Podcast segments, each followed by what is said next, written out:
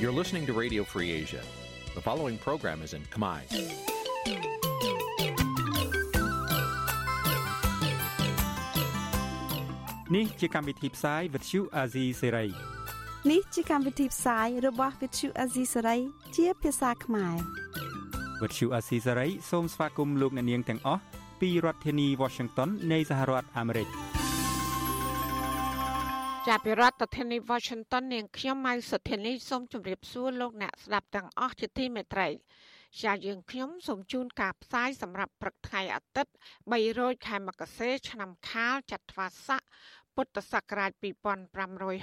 2566ហើយទៅត្រូវនៅថ្ងៃទី11ខែធ្នូគ្រិស្តសករាជ2022ជាដំបូងនេះសូមអញ្ជើញលោកអ្នកនាងកញ្ញាស្ដាប់ព័ត៌មានប្រចាំថ្ងៃដែលមានមេត្តាដូចតទៅ thank you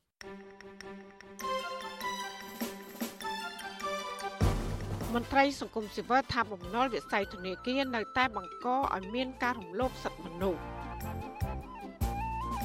សកម្មជនបរិស្ថានបារម្ភពីគម្រោងអភិវឌ្ឍឆ្នេរសមុទ្រនៅខេត្តបរសៃហនុនឹងបង្កផលប៉ះពាល់ដល់បរិស្ថាន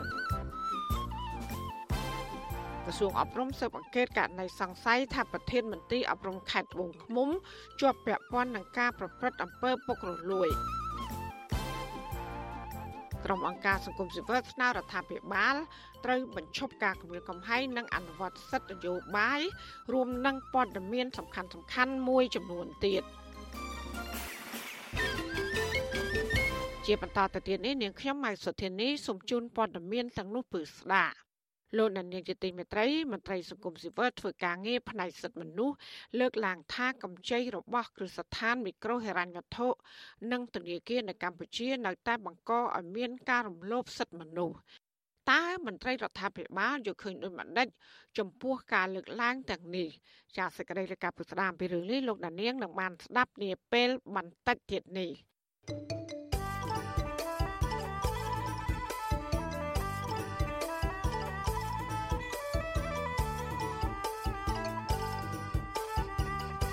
ចាលោកនាយកទីមេត្រីលោកនាយករដ្ឋមន្ត្រីហ៊ុនសែនប្រកាសថារដ្ឋាភិបាលបានកំណត់តំបន់ឆ្នេរសមុទ្រខេត្តបរសៃហនុជាគោលដៅអភិវឌ្ឍសេដ្ឋកិច្ចទី2ក្នុងតំបន់សេដ្ឋកិច្ចពិសេសពហុបំណងសកម្មជនបរិស្ថាននិងអ្នកតាមដានការអភិវឌ្ឍសង្គមបារម្ភថាគម្រោងអភិវឌ្ឍនៅតំបន់ឆ្នេរសមុទ្រនៅខេត្តបរសៃហនុនេះនឹងធ្វើឲ្យប៉ះពាល់ដល់បរិស្ថានសមុទ្រ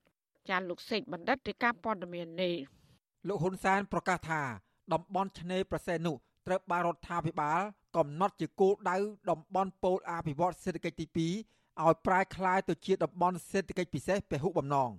លោកហ៊ុនសែនប្រកាសបែបនេះនៅក្នុងពិធីមហាសន្និបាតលើកទី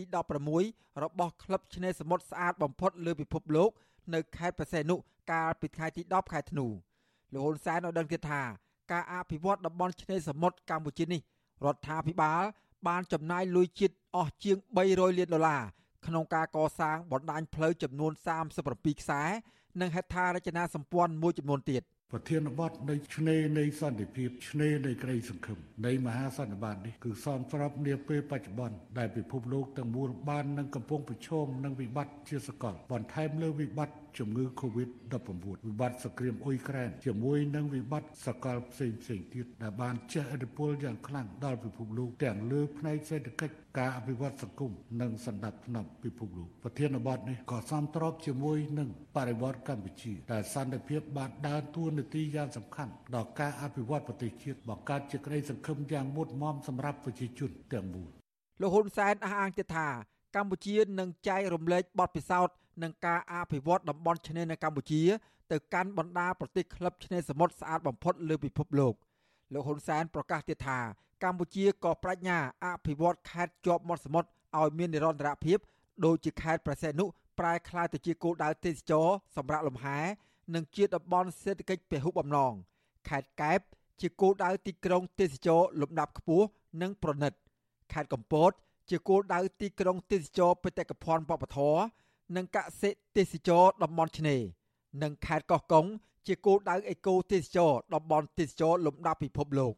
ទោះយ៉ាងណាការអភិវឌ្ឍតំបន់ឆ្នេរនេះរងការរិះគន់ថាគ្មានតម្លាភាព និងមិនបានគិតគូរអំពីកិច្ចគាំពៀដល់ធនធានបរិស្ថានឆ្នេរសមុទ្រឲ្យមានភាពល្អប្រសើរនោះទេ កាលពីឆ្នាំ2010អាជ្ញាធរខេត្តប្រសេនុបានយកគ្រឿងចាក់ឈូសឆាយតូបអាជីវករលក់ដូររាប់រយគ្រួសារនៅខេត្តប្រសេនុ ក្រោមរូបភាពដើម្បីរក្សាសណ្ដាប់ធ្នាប់សង្គមនិងបញ្ជាការទម្លាក់ការសំណល់ប៉ះពាល់ដល់តំបន់ឆ្នេរក៏ប៉ុន្តែក្រោយមកបន្តិចម្ដងបន្តិចម្ដងតំបន់ឆ្នេរនៅខេត្តប្រសេនុត្រូវបានក្រុមហ៊ុនចិន សាងសង់អគារធ្វើបលល្បែងរីកដុះដាលដោយផ្សិតមិនតែប៉ុណ្ណោះកន្លងទៅ កាស៊ីណូចិនដ៏ធំមួយឈ្មោះសាន់សាញបេនៅខេត្តប្រសេនុក៏បានបង្ហូរទឹកកខ្វក់និងការសំណល់ចូលទៅក្នុងសមុទ្រដែលធ្វើឲ្យប៉ះពាល់ដល់បរិស្ថានតំបន់ឆ្នេរធ្ងន់ធ្ងរ ក្រៅពីនេះក៏មានក្រុមហ៊ុនមួយចំនួនទៀតដូចជា The Sin Hau Hai Palace Casino និង Hotel សន្តាគារ Blue Bay និងសន្តាគារ Novotel Holiday Palace បានរំលោភតំបន់ឆ្នេរនិងបង្ហូរកាកសំណល់កខ្វក់ចូលទៅក្នុងទឹកសមុទ្រផងដែរវិទ្យុអាស៊ីសេរីនៅពុំទាន់អាចតាក់ទងក្រុមហ៊ុនកាស៊ីណូទាំងនេះដើម្បីសូមអត្ថាធិប្បាយអំពីរឿងនេះបានទេ កាលពីថ្ងៃទី10ខែធ្នូ ក្រៅពីករណីប៉ះពាល់បរិស្ថាននិងការអភិវឌ្ឍនៅក្នុងខេត្តក៏មានបង្កឲ្យមានបទល្មើសច្រើនដែរយុវជនចលនាមេដាធម្មជាតិលោកលីច័ន្ទរាវុធប្រាប់បទសុអាស៊ីសេរីកាលពីថ្ងៃទី10ខែធ្នូថា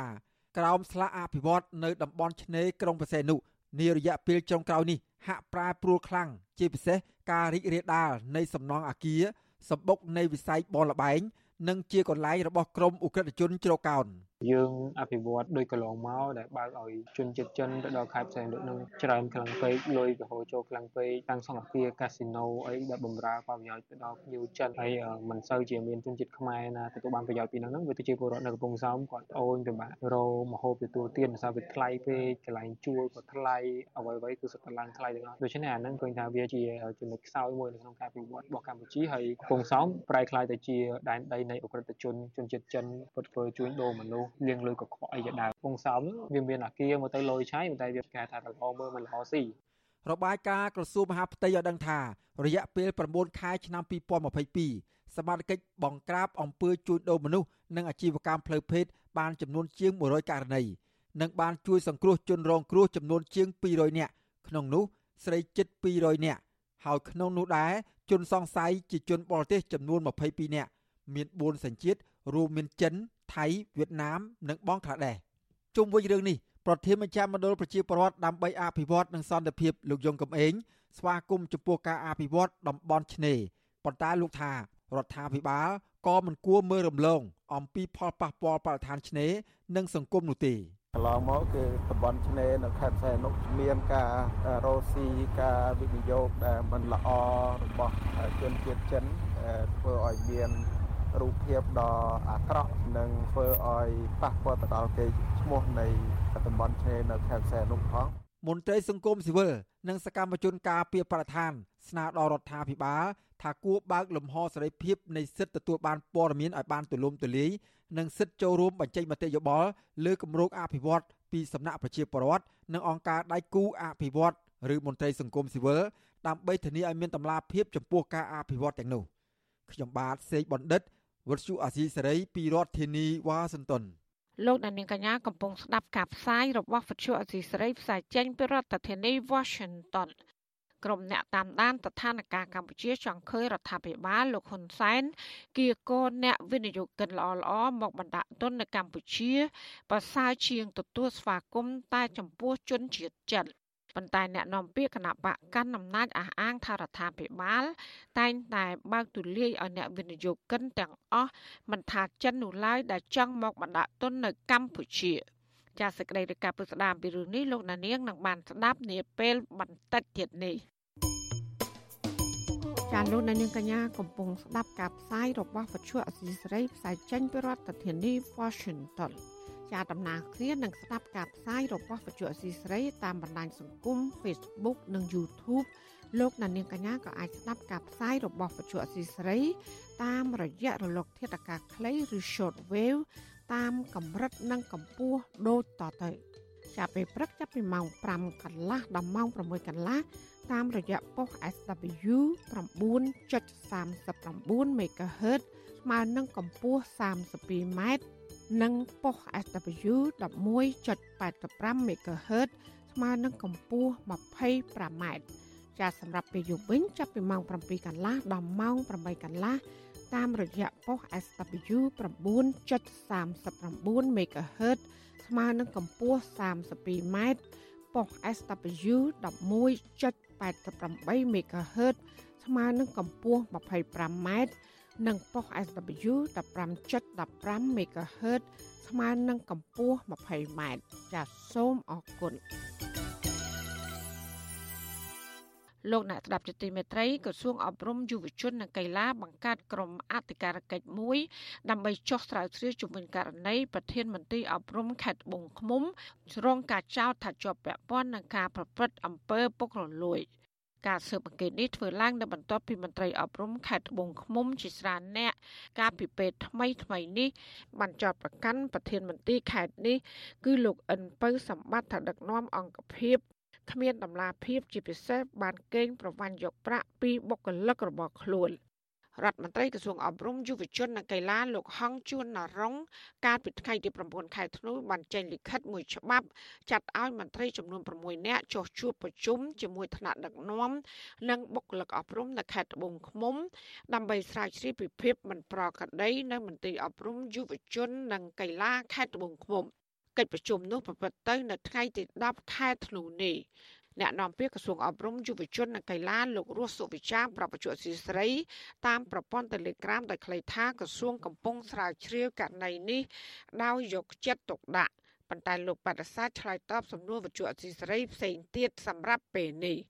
កាលពីថ្ងៃទី30ខែវិច្ឆិកាមន្ត្រីអប់រំយុវជននិងកីឡាខេត្តត្បូងឃ្មុំ បានផ្ញើលិខិតមួយច្បាប់ស្នើសុំរដ្ឋមន្ត្រីក្រសួងអប់រំ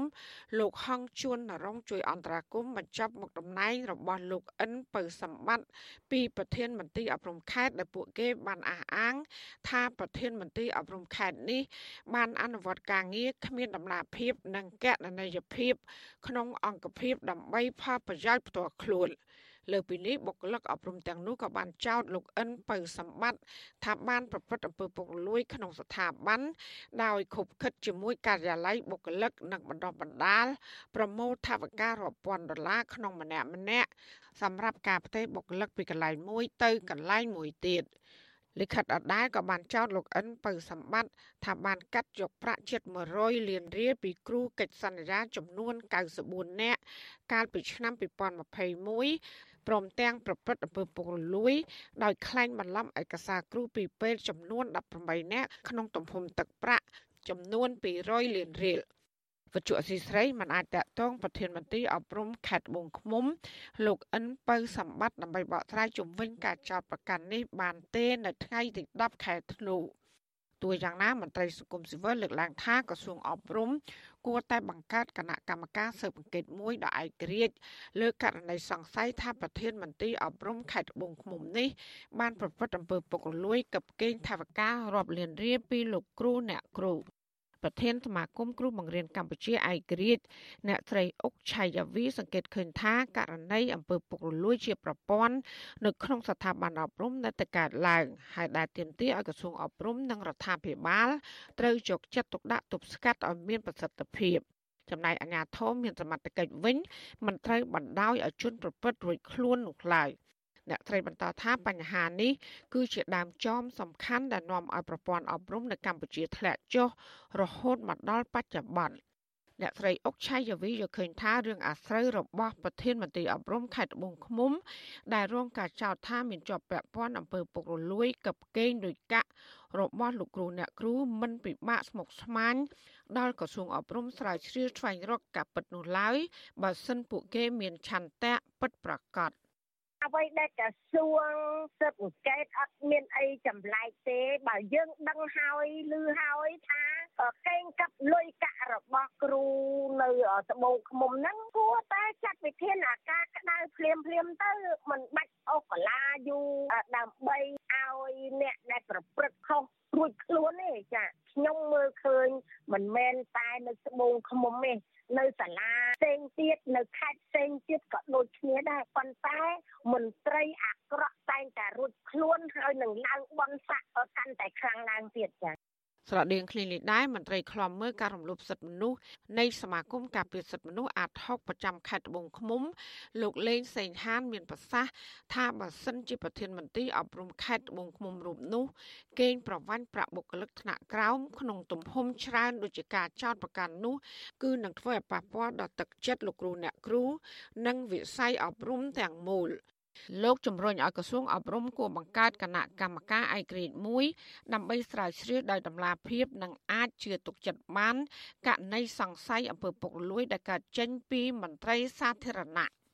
សូមឲ្យមានអ្នកស្រាវជ្រាវឬក៏គេហៅថាស៊ើបកេតជាស្ថាប័នឯករាជ្យដើម្បីកំណត់ឲ្យបានច្បាស់ដែលយើងអាចជឿជាក់បានណាទៅលើរឿងហ្នឹងដើម្បីផ្ដល់យុត្តិធម៌ឲ្យសម័យខ្លួនផងហើយនឹងយុត្តិធម៌ដល់សង្គមផងហើយនឹងវាអាចឆ្លោះបញ្ចាំងទៅដល់ខាងវិស័យអប់រំហ្នឹងទៅតាមទូទាំងប្រទេសហ្មងថាកុំឲ្យមានបញ្ហាហ្នឹងកើតឡើងទៀតណាអានេះវាជាគំរូមួយអាក្រក់សម្រាប់ស្ថាប័នអប់រំនៅក្នុងស្រុកយើង ប្រទេសកម្ពុជានៅតែបន្តជាប់ចំណាត់ថ្នាក់អាក្រក់ជាងប្រទេសនានាក្នុងតំបន់និងនៅលើពិភពលោកខាងប្រព្រឹត្តអំពើពុករលួយអង្គការតម្លាភាពអន្តរជាតិ Transparency International បានចេញរបាយការណ៍វិតម្លៃពីតម្លាភាព កាលពីខែមករាថាកម្ពុជាទទួលបានពិន្ទុ21លើ100ពិន្ទុនិងមានចំណាត់ថ្នាក់លេខរៀងទី157ក្នុងចំណោម180ប្រទេស ចំណាត់ថ្នាក់នេះមានន័យថាកម្ពុជាមានអំពើពុករលួយអាក្រក់ជាងគេបើធៀបជាមួយប្រទេសនៅក្នុងតំបន់អាស៊ានរបាយការណ៍នេះក៏បានបង្ហាញទៀតថាមន្ត្រីរាជការនិងអ្នកមានអំណាចភាគច្រើនបានប្រើប្រាស់ទូនីតិរបស់ខ្លួនដើម្បីទទួលបានលៀបសក្ការៈទ្រព្យធនធ្វើជាអ្នកមានតែប៉ុណ្ណោះ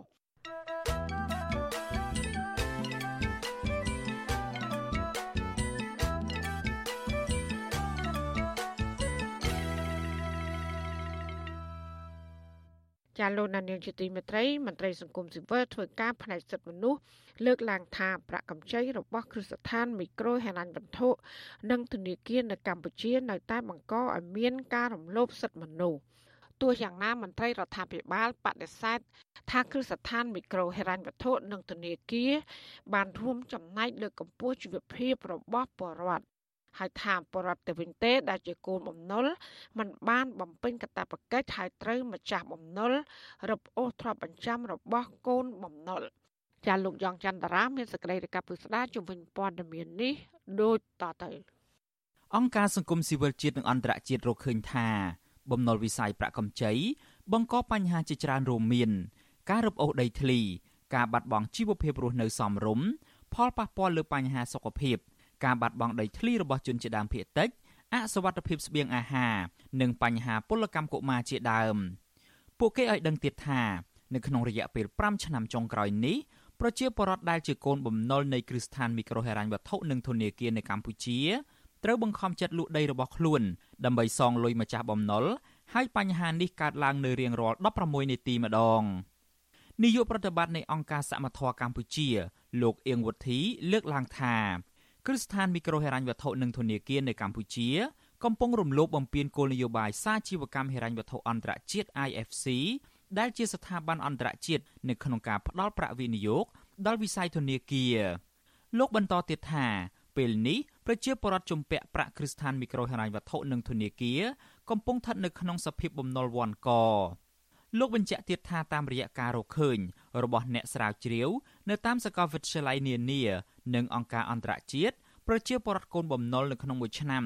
បានបាត់បង់ប្លង់កម្មសិទ្ធិដីធ្លីជាង3សែនប្លង់ហើយបញ្ហានេះបានបង្កឲ្យមានការរំលោភសិទ្ធិមនុស្សយ៉ាងខ្លាំងនៅក្នុងសង្គមកម្ពុជា នៅរយៈពេល5ឆ្នាំចុងក្រោយនេះ។ ទៅនឹងផលប៉ះពាល់ទៅដល់ជីវភាពរបស់ប្រជាពលរដ្ឋពាក់ព័ន្ធទៅដល់ការបាត់បង់ការសិក្សារបស់កុមារដោយសារពុកម្ដាយមិនមានលទ្ធភាពនៅក្នុងការផ្ដល់ជាការគ្រប់គ្រងទៅដល់កុមារទាំងនោះដើម្បីបន្តការសិក្សាដោយសារតែបញ្ហាបំណុលវណ្ឌកនឹងឯងគូសារទៅចាំបាច់ឲ្យកុមារទាំងអស់នោះទៅធ្វើការឬមួយក៏ពុកម្ដាយទៅបានចំណាក់ស្រុកដើម្បីស្វែងរកថវិកាដើម្បីបង់ស្ថាប័នមីក្រូហិរញ្ញវត្ថុ ការសិក្សាថ្មីមួយរបស់អង្គការសហប្រតិបត្តិការសេដ្ឋកិច្ចនិងការអភិវឌ្ឍហៅកាត់ថា BMZ ឲ្យដឹងថាវិស័យមីក្រូហិរញ្ញវត្ថុនៅកម្ពុជា បាននាំឲ្យមានការលក់ដីដោយបង្ខំជាច្រើនករណីកើតចេញពីបញ្ហាបំណុលពលគឺក្នុងកម្រិតមួយខ្ពស់ខ្លាំងនិងមិនអាចទទួលយកបាននាយកទទួលបន្ទុកកិច្ចការទូតនៃអង្គការសិទ្ធិមនុស្សលីកាដូលោកអំសំអាតជំរុញឲ្យមានការដោះស្រាយការរំលោភសិទ្ធិមនុស្សនៅក្នុងវិស័យនេះ លោកស្នើឲ្យមានការគោរពសិទ្ធិអ្នកខ្ចីនិងការអនុគ្រោះដល់កូនបំណុលដើម្បីកាត់បន្ថយបញ្ហាបាត់បង់ដីធ្លីនិងការទទួលរងទង្វើអសិលធម៌ដែលបង្កដោយមន្ត្រីពីគ្រឹះស្ថានមីក្រូហិរញ្ញវត្ថុនិងធនាគារដើម្បីធ្វើការស្វែងរកដំណោះស្រាយនៅបញ្ហាដែលបានកើតឡើងកន្លងមកហ្នឹងឲ្យបានចប់សពគ្រប់ដោយមិនមានការរំលោភបំពានទៅលើសិទ្ធិអ្នកខ្ចីនោះបាទអង្គការសិទ្ធិមនុស្សលីកាដូរកឃើញថា វិបត្តិពលរដ្ឋជំពាក់បំណុលដែលកើតមានច្រើនលើសលប់នៅក្នុងរយៈពេលប៉ុន្មានឆ្នាំនេះកំពុងនាំឲ្យមានការរំលោភសិទ្ធិមនុស្សអង្គការលីកាដូរកឃើញទៀតថាកាលពីឆ្នាំ2020កម្ចីឥណទានខ្នាតតូចគិតជាមធ្យមនៅកម្ពុជា គឺមានចំនួនជាង4000ដុល្លារដែលជាទំហំធំជាងគេនៅលើពិភពលោកប្រជាពលរដ្ឋចំនួន95%មានប្រាក់ចំណូលប្រចាំឆ្នាំតិចជាងចំនួនប្រាក់កម្ចីនេះ ចំនួនកម្ចីឥណទានខ្នាតតូចសរុបគឺមានរហូតដល់2លាន8សែនកម្ចីសម្រាប់ប្រជាពលរដ្ឋ3លាន6សែនគ្រួសារនៅទូទាំងប្រទេសប្រជាពលរដ្ឋមានបញ្ហាដីធ្លីលោកស្រីផាវយើងដែលជំពាក់ប្រាក់ធនាគារនៅក្នុងស្រុកដែរនោះឲ្យដឹងថាលោកស្រីតែងតែបង់សងទៅធនាគារជារៀងរាល់ខែក៏ប៉ុន្តែកាលពីមានវិបត្តិជំងឺ Covid-19 នៅក្នុងឆ្នាំ2021លោកស្រីមិនអាចសងប្រាក់ទៀងទាត់នោះទេ ហើយពេលនោះ ខាងធនាគារព្រមានរឹបអូសដីធ្លីផ្ទះសម្បែងលោកស្រី ដែលជាទ្រព្យបញ្ចាំលោកស្រីផៅយើងឲ្យដឹងទៀតថាក្រោយមានការព្រមានដូចនេះលោកស្រីសម្រេចចិត្តទៅចងការប្រាក់អ្នកចងការប្រាក់ឯកជន ដើម្បីសងផ្ដាច់ទៅធនាគារលោកស្រីបញ្ជាក់ទៀតថាពេលនោះលោកស្រីត្រូវប្រឹងរកប្រាក់និងត្រូវហូបអំបិលប្រហុកទម្រាំដោះស្រាយបំណុលនេះអស់ បើសិនណាធនាគារហិរញ្ញវត្ថុទាំងអស់ហើយគាត់គិតថាយកមកអភិវឌ្ឍឲ្យប្រជាពលរដ្ឋនឹងឲ្យមានការមានការរីកចម្រើនដើម្បីឲ្យមានមុខរបររកស៊ីមានដើមទុនអីហើយបែរទៅជាដាក់កំណត់ដូចក្នុងលក្ខខណ្ឌរបស់ធនាគារហិរញ្ញវត្ថុឲ្យប្រចាំសូម្បីតែ500ក៏ប្រចាំប្លង់ដីស្រែដីចាស់ដែរអញ្ចឹងខ្ញុំគិតថានឹងមិនមែនជាមកស្រោចស្រង់ប្រជាពលរដ្ឋខ្មែរទេវាជាវាជាការផលប្រយោជន៍ចំណេញរបស់ក្រុមហ៊ុនរបស់គេអញ្ចឹងណាវាមិនមែនមកជួយយើងទេអានឹង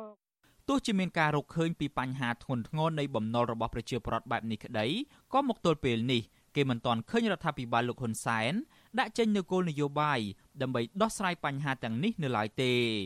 ផ្ទុយទៅវិញលោកនាយរដ្ឋមន្ត្រីហ៊ុនសែនបែរជាប្រកាសជាញឹកញាប់ថាលោកលើកទឹកចិត្តឲ្យធនាគារនិងគ្រឹះស្ថានមីក្រូហិរញ្ញវត្ថុរឹបអូសដីធ្លី និងផ្ទះសម្បែងប្រជាពលរដ្ឋណាប្រសិនបើពួកគេធ្វើតាមការឃោសនារបស់មេដឹកនាំគណៈបកសង្គ្រោះជាតិដែលធ្លាប់អំពាវនាវឲ្យផ្អាកសមបំណុលទាំងការទាំងដើមដោយសារតែវិបត្តិជំងឺ Covid-19 តើតើនឹងការរំលោភសិទ្ធិមនុស្សនៅក្នុងវិស័យប្រាក់កម្ចីនេះអង្គការសិទ្ធិមនុស្សលីកាដូ និងអង្គការសមត្ថៈកម្ពុជា កាលពីខែកុម្ភៈតំណាងឲ្យប្រជាពលរដ្ឋអ្នកខ្ចីប្រាក់ពីគ្រឹះស្ថានមីក្រូហិរញ្ញវត្ថុនិងធនាគារបានដាក់ពាក្យប្តឹងទៅសាជីវកម្មហិរញ្ញវត្ថុអន្តរជាតិ ហៅកាត់ថា IFC ករណីរំលោភសិទ្ធិពលរដ្ឋកូនបំណុលពាក្យប្តឹងនោះបានចោទប្រកាន់ថាគ្រឹះស្ថានមីក្រូហិរញ្ញវត្ថុនិងធនាគារចំនួន6បានរំលោភបំពានសិទ្ធិមនុស្សនិងការរំលោភបំពានលើបទដ្ឋានអនុវត្តស្តង់ដារលើប្រាក់កម្ចីឥណទានខ្នាតតូចនៅកម្ពុជា ស្ថាប័នទាំងនោះរួមមានធនាគារអេស៊ីលីដាធនាគារហាត់ថាធនាគារស្ថាបនាគ្រឹះស្ថានមីក្រូហិរញ្ញវត្ថុអមរិត គ្រឹះស្ថានមីក្រូហិរញ្ញវត្ថុ LOLC និងគ្រឹះស្ថានមីក្រូហិរញ្ញវត្ថុប្រាសាក់ជាលទ្ធផល ការិយាល័យភាពអនុលោមទីប្រឹក្សាដោះស្រាយវិវាទនៃសាជីវកម្មហិរញ្ញវត្ថុអន្តរជាតិបានសម្រេចត្រួតពិនិត្យអនុលោមភាពនៃបណ្ដឹងមីក្រូហិរញ្ញវត្ថុនៅកម្ពុជាសេចក្តីថ្លែងការណ៍របស់អង្គការលីកាដូចុះកាលពីថ្ងៃទី15ខែវិច្ឆិកាឲ្យដឹងថាស្ថាប័នអន្តរជាតិមួយនេះនឹងចាត់វិធានការមួយដែលជាការគ្រប់គ្រងសិទ្ធិមនុស្សនៅក្នុងវិស័យហិរញ្ញវត្ថុនេះឡើងវិញ។ តកតងទៅនឹងករណីនេះវិទ្យុអាស៊ីសេរីមិនអាចសុំការឆ្លើយតបពីប្រធាននាយកប្រតិបត្តិធនាគារអេស៊ីលីដាគឺលោកអិនចាន់នីដែលជាភាគីសំខាន់មួយ ក្នុងការចោទប្រកាន់នេះបានទេ នៅថ្ងៃទី10ខែធ្នូចំណែកប្រធានទំនាក់ទំនងនឹងជាអ្នកនាំពាក្យសមាគមមីក្រូហិរញ្ញវត្ថុកម្ពុជា គឺលោកកាំងតុងងីក៏វិទ្យុអាស៊ីសេរីមិនទាន់អាចសុំការអត្ថាធិប្បាយបានដែរនៅថ្ងៃដដែលនេះជុំវិញរឿងនេះ អ្នកនាំពាក្យគណៈកម្មាធិការសិទ្ធិមនុស្សរបស់រដ្ឋាភិបាលលោកកតាអូនយល់ថាវិស័យផ្ដល់ប្រាក់កម្ចីដែលបានចុះបញ្ជីត្រឹមត្រូវគឺមានប្រព័ន្ធវាយតម្លៃនិងគោលការណ៍នៃការដាក់ទ្រព្យបញ្ចាំដែលមានការព្រមព្រៀងគ្នាពីភាគីទាំងសងខាងលោកបន្តថាការដាក់ពាក្យប្តឹងរបស់ប្រជាពលរដ្ឋគឺជាសិទ្ធិរបស់ពួកគាត់ក៏ប៉ុន្តែមន្ត្រីរដ្ឋាភិបាលរូបនេះរិះគន់ថាការដែលពលរដ្ឋប្តឹងទៅសាជីវកម្មហិរញ្ញវត្ថុអន្តរជាតិនេះ ទំនងជាមិនទទួលបានលទ្ធផលនោះទេពីព្រោះលោកយល់ថាជាការប្តឹងខុសកន្លែងយើងឃើញថាប្រជាពលរដ្ឋដែលជាកូនដំណុលមិនបំពេញកាតព្វកិច្ចផ្លូវច្បាប់វាជាករណីផ្លូវច្បាប់ ពីព្រោះហេតុអីពីព្រោះពេលណាដែលយើងធ្វើខុសគោលការណ៍នៃមីក្រូអ៊ីនធុគេថាយើងមិនបំពេញកាតព្វកិច្ចនៅក្នុងការសន្មម្ចាស់ដំណុលទាំងគោលការណ៍ច្បាប់គឺម្ចាស់ដំណុលអាចមានសិទ្ធិនៅក្នុងការទូទាត់ក្នុងការរឹបអូសក្នុងការប្តឹងដើម្បីរឹបអូសទ្រព្យបញ្ចាំលក់ណៃឡុងសន្មម្ចាស់ដំណុលវិញនេះជាគោលការណ៍អង្គការលីកាដូអង្គការសមត្ថៈកម្ពុជា និងអង្គការ FIAN បានអំពាវនាវឲ្យមានការប្រគល់ប្លង់កម្មសិទ្ធិដីធ្លីរាប់សែនប្លង់ ដែលបច្ចុប្បន្នកាន់កាប់ដោយគ្រឹះស្ថានមីក្រូហិរញ្ញវត្ថុនិងធនាគារជូនទៅម្ចាស់កម្មសិទ្ធិជាអ្នកខ្ចីប្រាក់វិញឲ្យបានឆាប់ក្រុមអង្គការសង្គមស៊ីវិលទាំងនេះរំពឹងថាដំណោះស្រាយនេះនឹងជួយកាត់បន្ថយសម្ពាធរបស់គ្រួសារពលរដ្ឋនិងកាត់បន្ថយការលក់ដី ដោយបង្ខំពីព្រោះតែប្រាក់កម្ចីនេះខ្ញុំយ៉ងច័ន្ទដារាវិទ្យុអាស៊ីសេរីរាយការណ៍ពីរដ្ឋធានី Washington thank you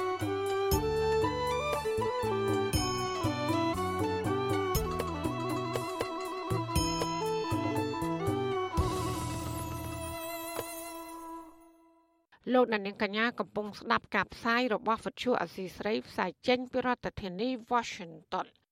រដ្ឋាភិបាលលោកហ៊ុនសែននៅចុងអាណត្តិទី6នេះ បានចាប់យកវិស័យកសិកម្មជាចំណុចចាប់ផ្ដើម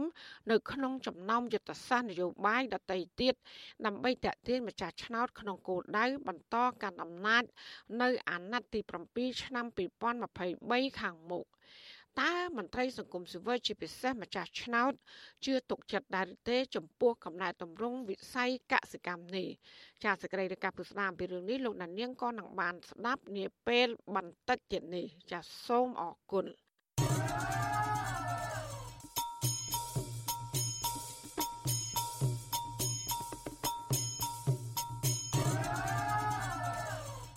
លោកនានីជាទីមេត្រីបុគ្គលិកអង្គការសង្គមស៊ីវិលសកម្មជនសិទ្ធិមនុស្សសកម្មជនបរិស្ថានយុវជន និងប្រជាសហគមន៍មកពីបណ្ដាខេត្តទ្រពជិត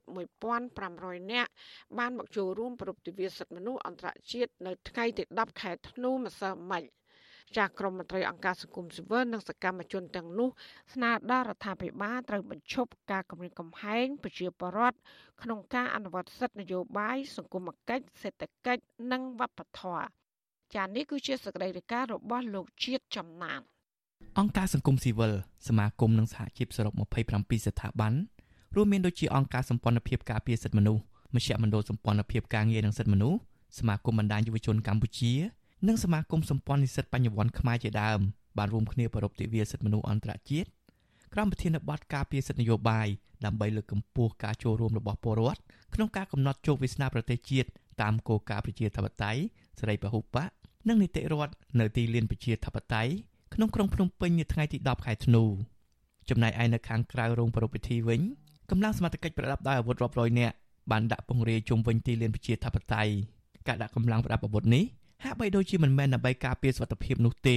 ព្រោះក្រុមសមត្ថកិច្ចជាច្រើនអ្នកបានយកទូរស័ព្ទមកថតគ្រប់អ្នកដែលមកចូលរួមកម្មវិធី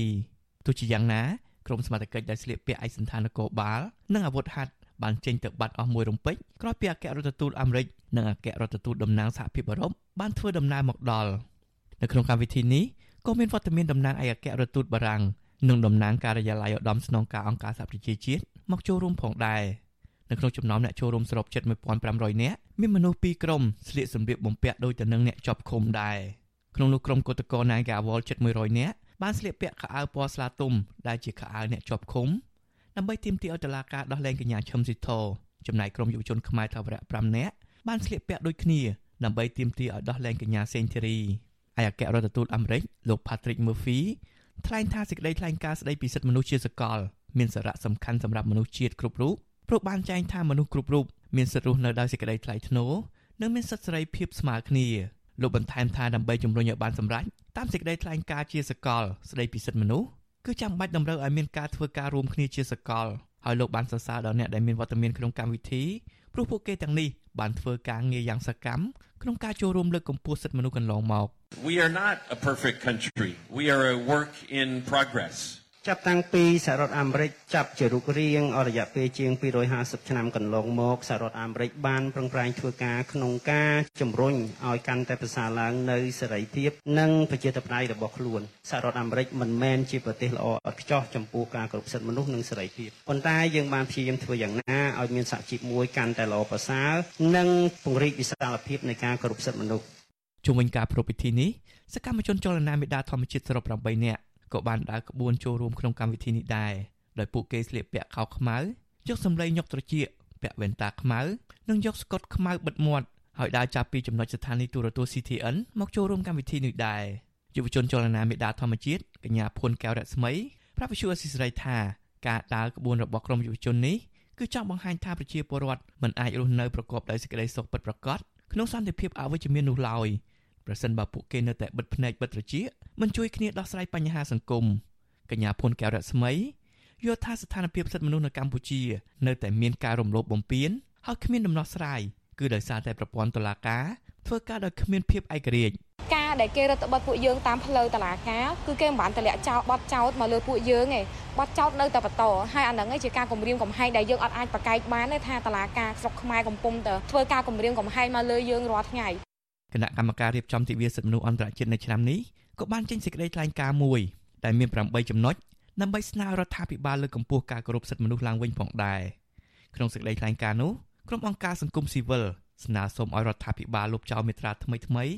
នៃច្បាប់ស្តីពីគណៈបកនយោបាយនិងច្បាប់បោះឆ្នោតដែលត្រូវបានធ្វើវិសោធនកម្មក្រោយឆ្នាំ2017នៅក្នុងចំណុចនោះបញ្ជាក់ដែរថាដើម្បីធានាភាពឯករាជ្យក្នុងការបំពេញការងាររដ្ឋាភិបាលមិនត្រូវឲ្យកម្លាំងប្រដាប់អាវុធមន្ត្រីស៊ីវិលមន្ត្រីតុលាការ ចូលជាសមាជិកគណៈបកនយោបាយណាមួយឡើយឆ្លើយតបនឹងការលើកឡើងនេះអ្នកនាំពាក្យគណៈកម្មាធិការសិទ្ធិមនុស្សរបស់រដ្ឋាភិបាលលោកកតាអូនអះអាងថាការអនុញ្ញាតឲ្យមន្ត្រីជាន់ខ្ពស់តុលាការឬសមាជិកគណៈកម្មាធិការជាតិរៀបចំការបោះឆ្នោតចូលរួមនៅក្នុងគណៈបកនយោបាយណាមួយនោះគឺជាការលើកកម្ពស់សិទ្ធិនយោបាយទៅវិញទេព្រោះមន្ត្រីទាំងនោះក៏មានសិទ្ធិធ្វើនយោបាយដែរលោកបន្ថែមថាការគោរពសិទ្ធិមនុស្សនៅកម្ពុជាមិនបានដើរថយក្រោយដោយក្រុមអង្គការសង្គមស៊ីវិលលើកឡើងនោះឡើយ ទោះបីជាយ៉ាងណាក៏ដោយសិទ្ធិពលរដ្ឋបងប្អូនជាពលរដ្ឋយើងទាំងប្រតិការទាំងកងកម្លាំងប្រដាប់អាវុធទាំងប្រសង់ក៏កត់ចង់បានសិទ្ធិនយោបាយដែរដូច្នេះមន្ត្រីតុលាការក៏ជាមន្ត្រីរាជការមួយរូបមន្ត្រីតុលាការក៏គាត់ទាមទារចង់បានសិទ្ធិនយោបាយដែរចាំបើស្ទើរតែយើងបិទសិទ្ធិនយោបាយរបស់គាត់អាហ្នឹងជាការរំលោភសិទ្ធិនោះដែរទេផ្ទុយពីការលើកឡើងនេះនាយកប្រតិបត្តិអង្គការសម្ព័ន្ធភាពការពារសិទ្ធិមនុស្សកម្ពុជា លោករស់សុថាគាំទ្រចំពោះការលើកឡើងថា មូលហេតុសំខាន់ដែលបណ្ដាលឲ្យមានការរំលោភសិទ្ធិមនុស្សនៅកម្ពុជានៅតែមិនអាចដោះស្រាយនោះគឺបណ្ដាលមកពីប្រព័ន្ធតុលាការធ្វើការដោយមិនឯករាជ្យជាមួយគ្នានេះលោករស់សុថាយល់ឃើញថានៅពេលដែលចៅក្រមគឺជាសមាជិកជាន់ខ្ពស់របស់គណៈបកនយោបាយណាមួយនោះធ្វើឲ្យការកាត់ក្តីលើសមាជិកគណៈបកនយោបាយដែលមាននិន្នាការផ្ទុយពីខ្លួនប្រកាសជាសម្រាប់សេចក្តីលំអៀងទៅខាងគណៈបករបស់ខ្លួនវាមិនមែនគ្រាន់តែបញ្ហាដំណោះផលប្រយោជន៍ទេវាពាក់ព័ន្ធនឹងគុណភាពសេវាកម្មហើយពាក់ព័ន្ធនឹង ប៉ះពាល់ដល់សិទ្ធិសេរីភាពមន្ត្រីរាជការស៊ីវិលទៅទៀតដែលពីខ្លះគឺថាគាត់ចង់មានសេរីភាពនៃការជ្រើសនៃការជឿនិងការចូលបើសិនជាមានថ្នាក់ដឹកនាំដែលមានទំនោរទៅនឹងនីតិការមួយហើយបើសិនជាបុគ្គលិកមួយមាននីតិការនយោបាយផ្សេងជឿជាក់លើគណៈបកផ្សេងធ្វើឲ្យមន្ត្រីរាជការខ្លះគឺថាធ្វើការដល់បានស្រួលអាចថាប៉ះពាល់ដល់អាជីពជីវៈទុនទីរបស់គាត់ទៀតនោះនៅរសៀលថ្ងៃទី10ខែធ្នូនេះដែរគណៈកម្មការប្រពៃទិវាសិទ្ធិមនុស្ស ក៏បានផ្ដល់ពានរង្វាន់ដល់អ្នកការពារសិទ្ធិមនុស្សឆ្នើមទៅដល់បុគ្គលនិងស្ថាប័នសរុបចំនួន12ពានរង្វាន់នៅការិយាល័យអង្គការ Confred ដែរអ្នកទទួលបានពានរង្វាន់ទាំងនោះរួមមានអ្នកជំនាញខាងកសិកម្មលោកនីណាសមាគមការពារដីធ្លីនិងអ្នកធ្វើការក្នុងវិស័យព័ត៌មានជាដើមជាមួយគ្នានេះកញ្ញាសេងធីរីតំណាងសហជីព Nagawal កញ្ញាឈឹមស៊ីស្ធនិងលោកឆែធីឡែនដែលកំពុងជាប់ឃុំក្នុងពន្ធនាគារ ក៏ទទួលបានពានរង្វាន់នេះដែរដោយមានសាច់ញាតិមកទទួលពានរង្វាន់ជំនួសពួកគេទិវាសិទ្ធិមនុស្សអន្តរជាតិត្រូវបានធ្វើឡើងជារៀងរាល់ឆ្នាំទូទាំងសកលលោកចាប់តាំងពីឆ្នាំ1948មកដើម្បីផ្សព្វផ្សាយនិងលើកកម្ពស់ការគោរពសិទ្ធិមនុស្សតាមរយៈការជំរុញឲ្យពលរដ្ឋយល់ដឹងនិងទាមទារសិទ្ធិរបស់ខ្លួនខ្ញុំបាទចិត្តចំណាន Visual Society ប្រធានាទី Washington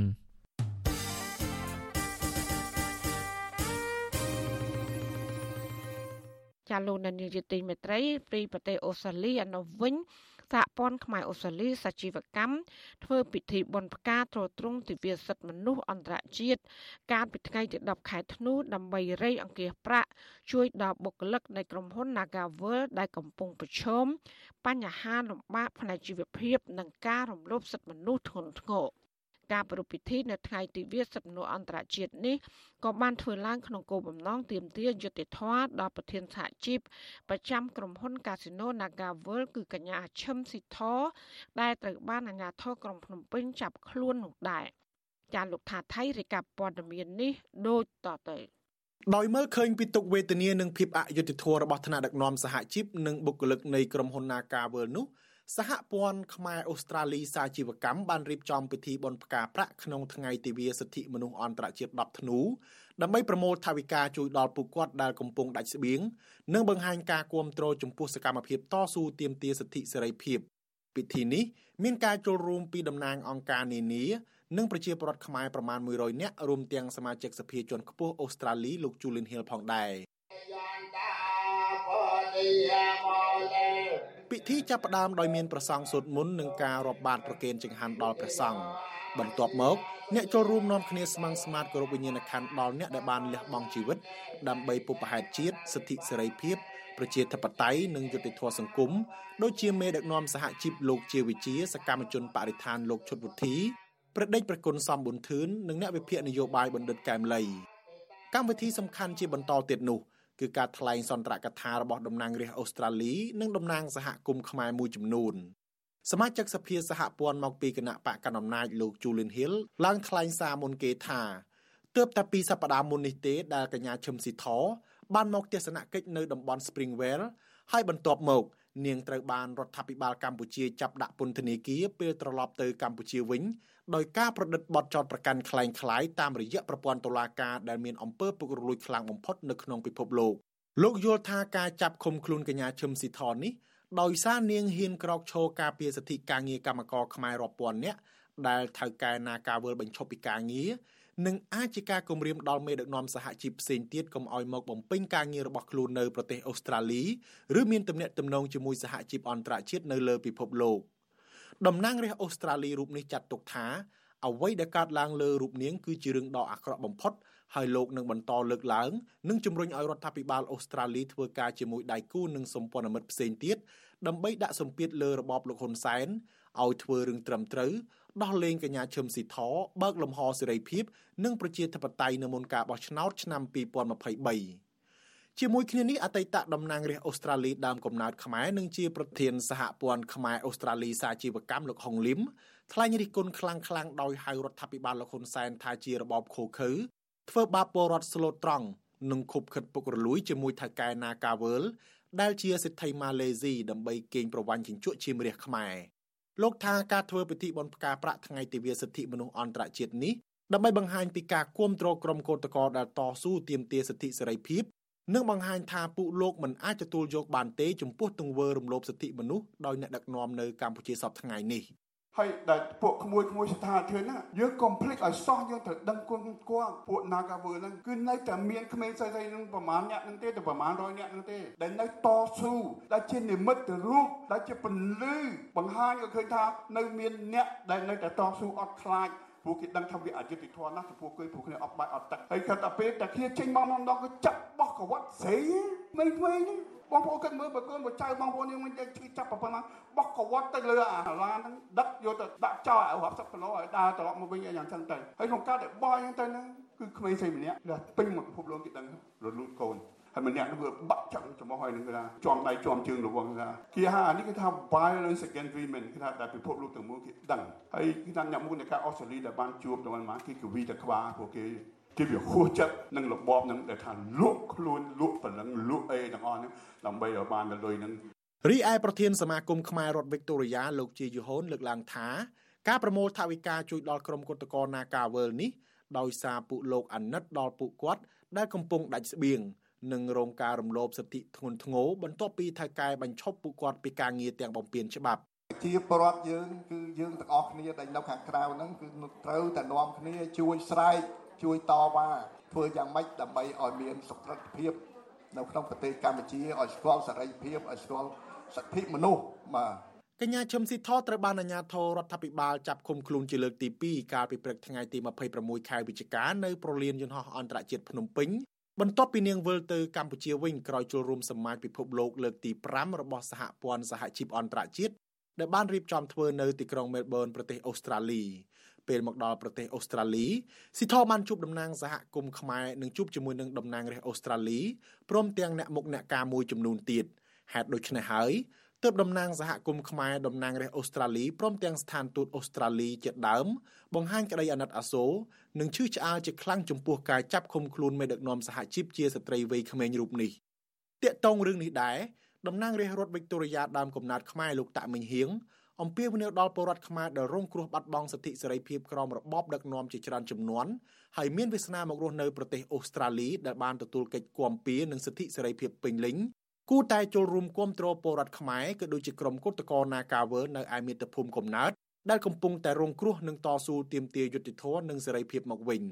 ចង់និយាយបន្ថែមទៀតតកតងជាមួយនឹងក្រមសន្តិភាពដែលកំពុងតែមកវាទីនៅក្នុងទីក្រុងមែលប៊ននៅក្នុងប្រទេសអូស្ត្រាលីហើយអ្នកទាំងអស់ហ្នឹងដែលត្រូវឆ្លើយនៅចម្លើយដ៏សំខាន់សំខាន់ដែលកំពុងតែរៀបចំកម្មវិធីអបអរ7មករានៅក្នុងខែក្រោយហ្នឹងឲ្យគាត់ឆ្លើយមើលតើសំណួរសំខាន់សំខាន់កម្មករជាស្ត្រីជាង2000នាក់ហ្នឹងតើគាត់ ឆ្លើយយ៉ាងម៉េចនៅក្នុងសម្បញ្ញៈរបស់គាត់តើគាត់ឆ្លើយយ៉ាងម៉េចនៅពេលដែលឃើញរូបភាពស្ត្រីដែលខិតខំប្រឹងប្រែងតវ៉ាដើម្បីបានសិទ្ធិចូលធ្វើការវិញហើយត្រូវទទួលរងនឹងការលាបពណ៌ថាជាក្រុមបះបោក្រុមបដិវត្តពណ៌ហ្នឹងតើគាត់ឆ្លើយជាមួយនឹងបងប្អូនគាត់យ៉ាងម៉េចនៅពេលដែលការទៀមទារបស់ស្ត្រីត្រូវបានគេធ្វើបាបយ៉ាងសាហាវយ៉ាងយងខ្នង ក្នុងពេលដែលសហគមន៍ខ្មែរនៅប្រទេសអូស្ត្រាលីជួបជុំរៃអង្គាសថវិកានិងលើកឡើងពីភាពអយុត្តិធម៌របស់ក្រុមកុតកោនាការវើនេះនៅល្ងាចថ្ងៃទី10ខែធ្នូដដែលនេះក្រុមកុតកោទាំងនោះក៏បានទៅប្រមូលផ្ដុំគ្នាបង្ហោះពេងប៉ោងនៅខាងមុខពន្ធនាគារព្រៃសរដើម្បីទាមទារឲ្យដោះលែងមេដឹកនាំសហជីពរបស់ពួកគេគឺកញ្ញាឈឹមស៊ីធ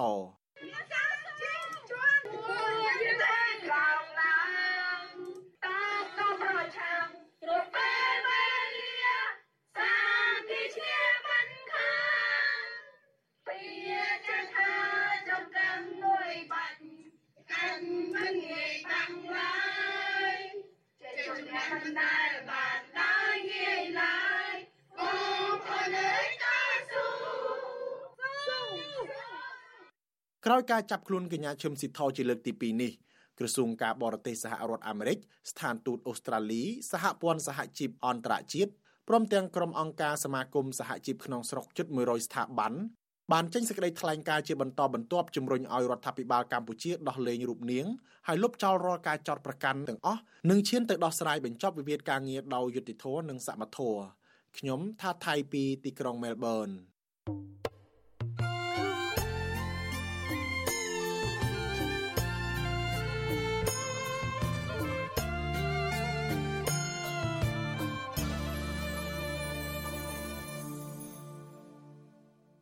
ចាលោកនានីជាទីមេត្រីក្រុមអ្នកតាមដានស្ថានភាពកម្ពុជាចង់ឃើញរដ្ឋាភិបាលលោកហ៊ុនសែនគៀកោអ្នកវិនិយោគិនល្អៗមកបណ្ដាក់ទុននៅកម្ពុជាប្រសើរជាងទទួលស្វាគមន៍តែចំពោះជនជាតិចិនប៉ុន្តែអ្នកនាំពាក្យគណៈបកកាន់អំណាចអះអាងថារដ្ឋាភិបាល តែងតែបើកទូលាយឲ្យអ្នកវិនិយោគិនទាំងអស់មិនថាចិននោះឡើយដែលចង់មកបណ្ដាក់ទុននៅកម្ពុជា ចាប់ពីរដ្ឋធានី Washington លោកមានរិទ្ធមានសេចក្តីរាយការណ៍ពុស្ដាជំវិញព័ត៌មាននេះដូចតទៅអ្នកខ្លំមើលបញ្ហាសង្គមនិងស្ថានភាពនយោបាយកម្ពុជា លើកឡើងថាបើកម្ពុជានៅតែគ្មានការអនុវត្តច្បាប់ត្រឹមត្រូវបណ្ដាលបណ្ដោយឲ្យអ្នកវិនិយោគបរទេសដែលមានឈ្មោះជាអក្រិតជនចូលមករកស៊ីនៅកម្ពុជានោះក្រុមហ៊ុនឬវិនិយោគិនល្អៗផ្សេងទៀតនឹងមិនហ៊ានមកបណ្ដាក់ទុនវិនិយោគនៅកម្ពុជាឡើយ ពួកគេចង់ឃើញរដ្ឋាភិបាលមានយន្តការច្បាស់លាស់ក្នុងការគៀងគរវិនិយោគិនត្រឹមត្រូវរួមចំណែកលើកស្ទួយសេដ្ឋកិច្ចជាតិពិតប្រាកដជាជាងរដ្ឋាភិបាលស្វាគមន៍តែអ្នកចំនួនជនជាតិចិនមួយចំនួន ដែលមានប្រវត្តិរឿងរ៉ាវអាស្រូវឲ្យចូលមករកស៊ីបណ្ដាក់ទុនវិនិយោគនៅកម្ពុជាប្រធានសហភាពសហជីពកម្ពុជា លោករងឈុនប្រាវិសុយស៊ីស្រីនៅថ្ងៃទី5ខែធ្នូថា វិនិយោគិនល្អៗតាមបណ្ដាប្រទេសជុំវិញពិភពលោកនឹងពិបាកមកបណ្ដាក់ទុនវិនិយោគនៅកម្ពុជាដោយសារតែប្រព័ន្ធគ្រប់គ្រងរដ្ឋរបស់រដ្ឋាភិបាលឯកបកពោពេញទៅដោយអំពើពុករលួយ ដែលជាហេតុធ្វើឲ្យអ្នកវិនិយោគបរទេសមួយចំនួនគ្មានទំនុកចិត្តលោកសង្កេតឃើញថាអ្នកចំនួនដែលមករកស៊ីនៅកម្ពុជាភាគច្រើនគឺជាក្រុមហ៊ុនទុច្ចរិតជាពិសេសអ្នកចំនួនជនជាតិចិនដែលមានកេរ្តិ៍ឈ្មោះអាក្រក់ ហើយពួកគេពុំសូវគិតគូរពីលក្ខខណ្ឌនៅក្នុងការគោរពសិទ្ធិរបស់កម្មករខ្មែរឡើយលោករងឈុនរិះគន់ទៀតថាការដែលរដ្ឋាភិបាលឯកបៈមានមោទនភាពចំពោះក្រុមហ៊ុនចិន និងជនជាតិចិន ដែលកំពុងមានវត្តមាននៅកម្ពុជាច្រើនលើសលប់ថាជួយជំរុញសេដ្ឋកិច្ចនិងកាត់បន្ថយភាពក្រីក្ររបស់ពលរដ្ឋនោះគឺខុសពីការពិតព្រោះលោកថាក្រុមហ៊ុនចិនដែលមករកស៊ីនៅកម្ពុជាភាគច្រើនបែបហត់ទឹកសម្លឹងកាកតែប៉ុណ្ណោះ ការនាំចេញបាទទីផ្សារធំធំតាក់ទងទៅនឹងសម្លៀកបំពាក់ស្បែកជើងកាបូបដែលនាំចេញទៅសហពលរដ្ឋសហរដ្ឋអាមេរិកក៏ដូចជាទៅជប៉ុនប៉ុន្តែប្រទេសចិននាំតែផលិតផលកសិកម្មបន្តិចបន្តួចនោះទេហើយបើយើងមើលរូបភាពដែលរូបភាពខាងក្រៅយើងថាចិនជួយកម្ពុជាសម្បើមណាតាមការពិតចិនមកដឹករ៉ែដឹកត្បូងដឹក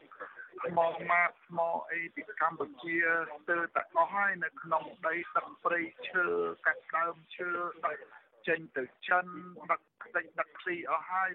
ឆ្លើយតបនឹងការលើកឡើងនេះអ្នកនាំពាក្យគណៈបកប្រជាជនកម្ពុជាលោកសុកអេសាននិយាយថាកម្ពុជាមានច្បាប់ត្រឹមត្រូវនិងបើកសិទ្ធិឲ្យអ្នកវិនិយោគគ្រប់ជាតិសាសន៍ដែលមានបំណងចង់មករកស៊ីបណ្ដាក់ទុននៅកម្ពុជាដោយមិនទទួលតែអ្នកជំនួញជនជាតិចិននោះទេ លោកសវ័យសានបន្ថែមទៀតថាចំពោះអ្នកជំនួញបរទេសណា ដែលជាប់ទោសក្រិតហើយមករកស៊ីនៅកម្ពុជានោះ ប្រសិនបើសមត្ថកិច្ចរកឃើញនឹងមានកិច្ចសហប្រតិបត្តិការជាមួយប្រទេសសម័យនោះនោះកម្ពុជានឹងចាប់បញ្ជូនអ្នកទាំងនោះត្រឡប់ទៅប្រទេសពួកគេវិញវិនិយោគិនណាដែលប្រព្រឹត្តមិនត្រឹមត្រូវទៅតាមគោលការណ៍ច្បាប់ហើយមានពាក់ព័ន្ធពីខាងក្រៅអានឹងយើងក៏ធ្លាប់មានការដោះស្រាយជាមួយនឹងរដ្ឋាភិបាលប្រទេសជាមិត្តដែរដែលមានតំណែងតំណងជាមួយគ្នាអានឹងដោះស្រាយតាមផ្លូវច្បាប់ចាប់បញ្ជូនយកទៅវិញជាបន្តបន្ទាប់ហើយបាទច្បាប់សម្រាប់បរទេសទាំងអស់បរទេសណាក៏ចូលមកកម្ពុជាបានដែរឲ្យទៅគោរពច្បាប់វិនិយោគរបស់កម្ពុជាមិនមែនបើកសម្រាប់តែជនជាតិចិនទេបាទការលើកឡើងរបស់អ្នកនាំពាក្យគណៈបកកណ្ដាលអំណាចរូនេះទំនងផ្ទុយពីការពិតនិងគ្រាន់តែដើម្បីការពារមុខមាត់រដ្ឋាភិបាលតែប៉ុណ្ណោះ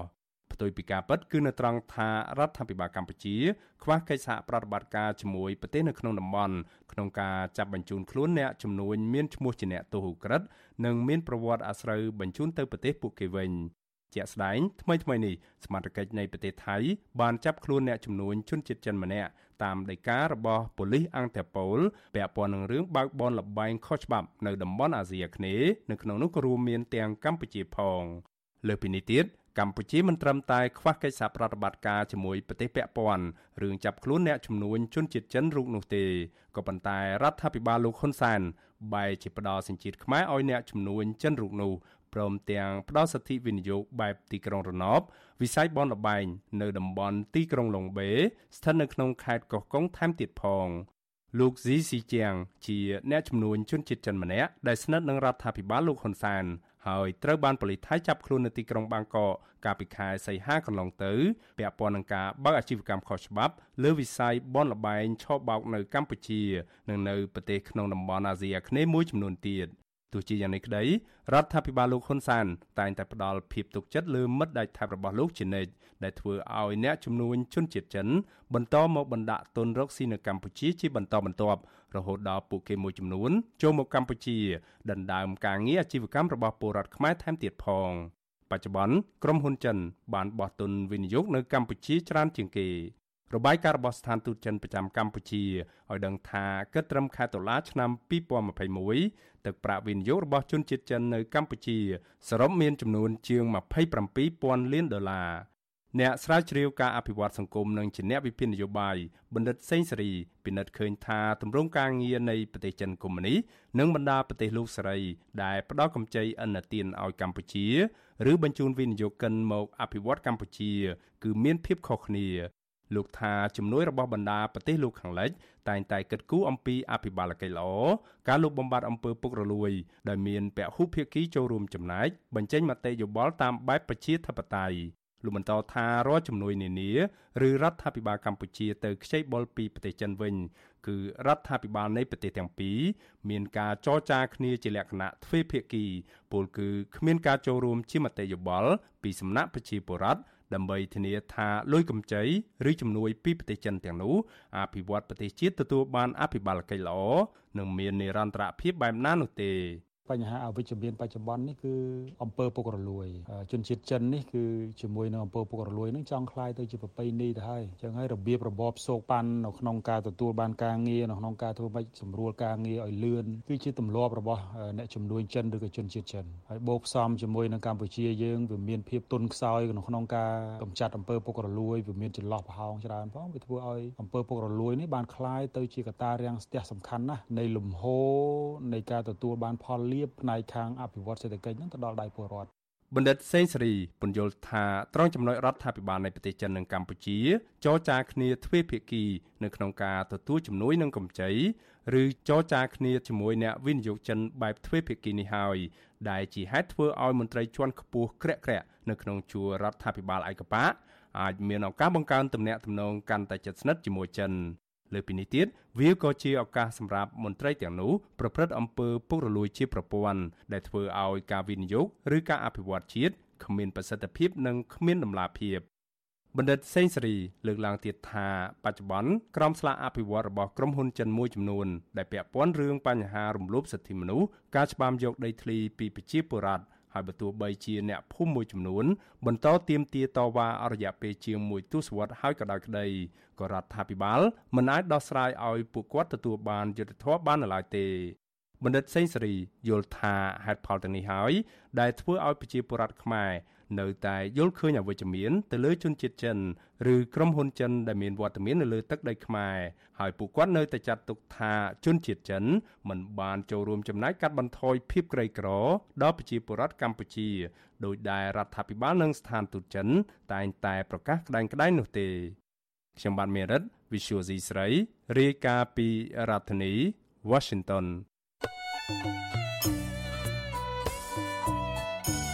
ចាលោកនាងជាទីមេត្រីវັດជុអសីស្រីសូមជូនដំណឹងថាយើងគ្មានអ្នកយកព័ត៌មានប្រចាំនៅប្រទេសកម្ពុជានោះឡើយបើសិនជាមានជនណាម្នាក់អះអាងថាជាអ្នកយកព័ត៌មានឲ្យវិទ្យុអសីស្រីនៅកម្ពុជានោះគឺជាការក្លែងបន្លំយកឈ្មោះរបស់វិទ្យុអសីស្រី ក្នុងគោលបំណងទុច្ចរិតរបស់បុគ្គលនោះចាសសូមអរគុណ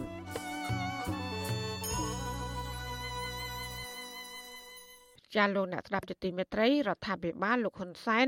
នៅចុងអាណត្តិទី6នេះបានចាប់យកវិស័យកសិកម្មជាចំណុចចាប់ផ្ដើមមួយនៅក្នុងចំណោមយុទ្ធសាស្ត្រនយោបាយដទៃទៀតដើម្បីតេទៀនម្ចាស់ឆ្នោតក្នុងគោលដៅបន្តកាន់អំណាចនៅអាណត្តិទី7ឆ្នាំ2023ខាងមុខ តើការកែតម្រង់វិស័យកសិកម្មជួយដល់កសិករនៅមុនការបោះឆ្នោតបែបនេះធ្វើឲ្យសង្គមស៊ីវិលជាពិសេសម្ចាស់ឆ្នោត មានការទុកចិត្តយ៉ាងណាដែរចាលោកសេបណ្ឌិតរីកាពុស្ដាជំវិញព័ត៌មាននេះប្រជាកសិករមួយចំនួនសប្បាយចិត្តនៅពេលដែលពួកគាត់បានលើដំណឹងស្ដីពីរដ្ឋាភិបាល ជាពិសេសក្រសួងកសិកម្មបង្ហាញពីការយកចិត្តទុកដាក់ចង់ជួយសម្រាលទុកលំបាករបស់កសិករដែលរងទុកអស់ជាច្រើនឆ្នាំកន្លងមកហើយនោះ ទុកលំបាកទាំងនោះគឺការប្រកបរបរនៅក្នុងវិស័យកសិកម្មប្រឈមនឹងការខាតបង់ច្រើនជាងការទទួលបានផលចំណេញនិងជំពាក់បំណុលធនាគារដោយសារតែការផលិតត្រូវចំណាយដើមទុនច្រើន ចំណាយផលិតផលបានមកហើយលក់បានថោកមិនរួចថ្លៃដើមឬគ្មានទីផ្សារលក់ហើយត្រូវទុកចោលក៏មាន ចំពោះដំណាំបន្លែមួយចំនួនតំណាងសហគមន៍កសិករភូមិប្រាសក្អកឃុំមលុបព្រៃស្រុកឆែបខេត្តព្រះវិហារលោកសឿនថា បានឲ្យវិទ្យុអាស៊ីសេរីដឹងថា ពេលពួកគាត់បានលើថ្នាក់ដឹកនាំចេះនឹកដល់រឿងសុខទុក្ខរបស់កសិករនិងប្រជាពលរដ្ឋក្រីក្របែបនេះក្នុងចិត្តហាក់ត្រេកអរខ្លះដែរក៏ប៉ុន្តែសួរថាពលរដ្ឋមានជំនឿបែបណា ចំពោះការប្រកាសរបស់រដ្ឋាភិបាល ជាពិសេសក្រសួងកសិកម្មនោះ គឺពួកគាត់ហាក់មិនមានក្តីសង្ឃឹមសោះឡើយលោកបានពន្យល់ដោយលើកហេតុផលថារដ្ឋាភិបាលបានដាក់ផែនការជួយកសិករបែបនេះកើតឡើងច្រើនឆ្នាំមកហើយជាពិសេស នៅពេលជិតដល់រដូវបោះឆ្នោតម្ដងម្ដងក៏ប៉ុន្តែលទ្ធផលជាក់ស្ដែងមិនមាននោះទេហើយផែនការទាំងនោះនឹងសាបសូន្យទៅវិញបន្តិចម្ដងបន្តិចម្ដងក្រោយពេលបោះឆ្នោតរួចចំណែកកសិករនៅតែរងទុក្ខបន្តទៀតដោយជួបបញ្ហាប្រឈមដដែលដដែលជាច្រើនឆ្នាំមកហើយបើសិនជាបានសម្រេចគឺវាជាការមួយដែលត្រេកអរដែរដែលពួកខ្ញុំជាកសិករដែលត្រេកអរប៉ុន្តែខ្ញុំមិននឹកស្មានថានឹងខ្លាយទៅជាការពិតទេពីព្រោះ ថាអ្វីៗព្រោះទំនិញរបស់កសិករទៅគឺឈ្មោះគាត់ជាអ្នកដាក់តម្លៃដដែលតកតោនឹងរឿងនេះដែរថ្មីថ្មីនេះប្រជាកសិករនៅខេត្តបាត់ដំបងនិងខេត្តបន្ទាយមានជ័យជាដើមនៅតែអះអាងថា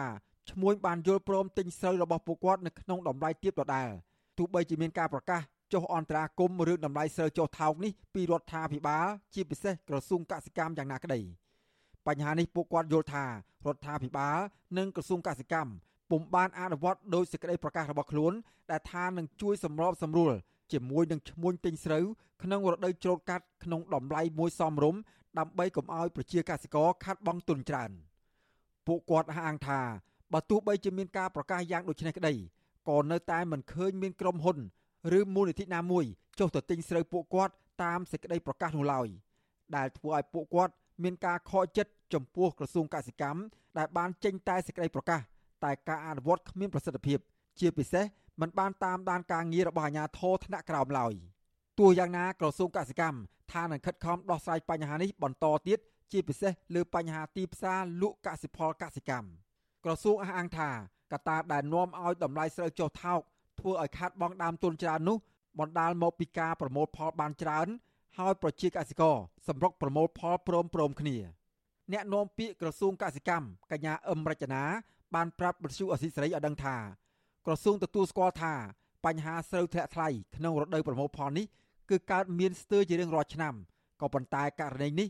និងបញ្ហាប្រឈមដទៃទៀតនៅក្នុងវិស័យកសិកម្មនឹងអាចដោះស្រាយបាននាពេលខាងមុខក្នុងទម្រង់ថ្មីមួយ ដែលគ្រប់ភាគីពាក់ព័ន្ធនឹងទទួលបានផលទាំងអស់គ្នា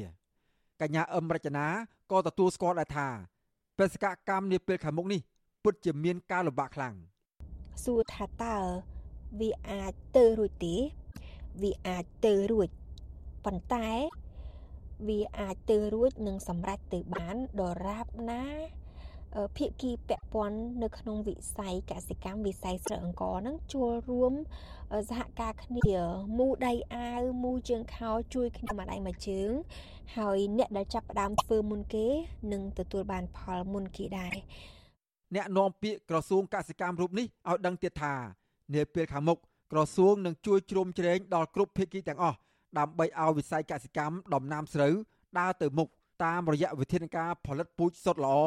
វិធានការលក់ចែកចាយពូជក្នុងតម្លៃមួយសមរម្យដែលនៅក្រោមថ្លៃទីផ្សារធម្មតាវិធានការអ្នកទិញពូជនឹងទទួលបានកិច្ចសន្យាផលិតកម្មវិធានការកម្មវិធីដាំដុះដើម្បីធានាការប្រើប្រាស់ទឹកនិងការទិញមកវិញមិនឲ្យចាល់ដោយការផលិតដែលគ្មានផែនការរួមនោះទេ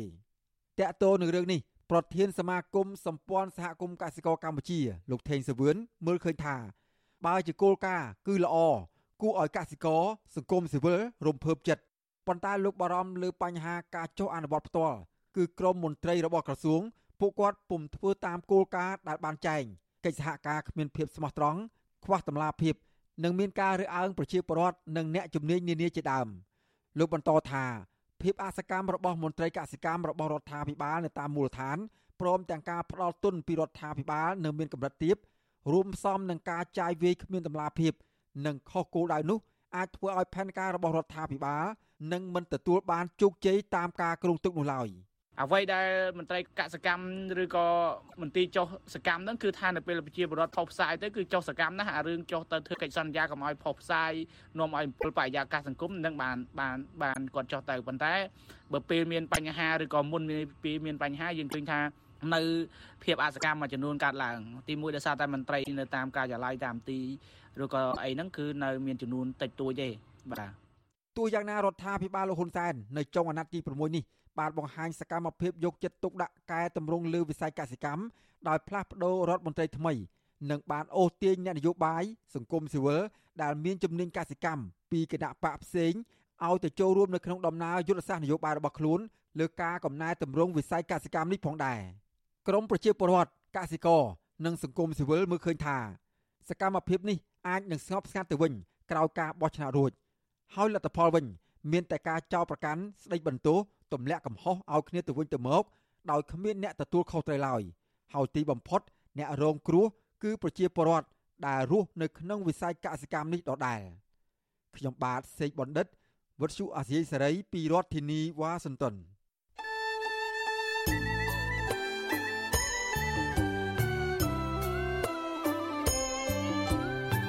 ចាលោកនាងកញ្ញាអ្នកស្ដាប់ជទីមេត្រីកັບផ្សាយរយៈពេល1ម៉ោងនៃវិទ្យុអាស៊ីស្រីជាភាសាខ្មែរនៅពេលនេះចាប់តែប៉ុណ្ណេះចាយើងខ្ញុំទាំងអស់គ្នាសូមជូនពរលោកនាងព្រមទាំងក្រុមគូសាទាំងអស់សូមជួបប្រកបតែនឹងសេចក្តីសុខសេចក្តីចម្រើន ជានិរន្តរ៍ចានាងខ្ញុំម៉ៃសុធានីព្រមទាំងក្រុមការងារទាំងអស់នៃវិទ្យុអាស៊ីស្រីសូមអរគុណនិងសូមជម្រាបលា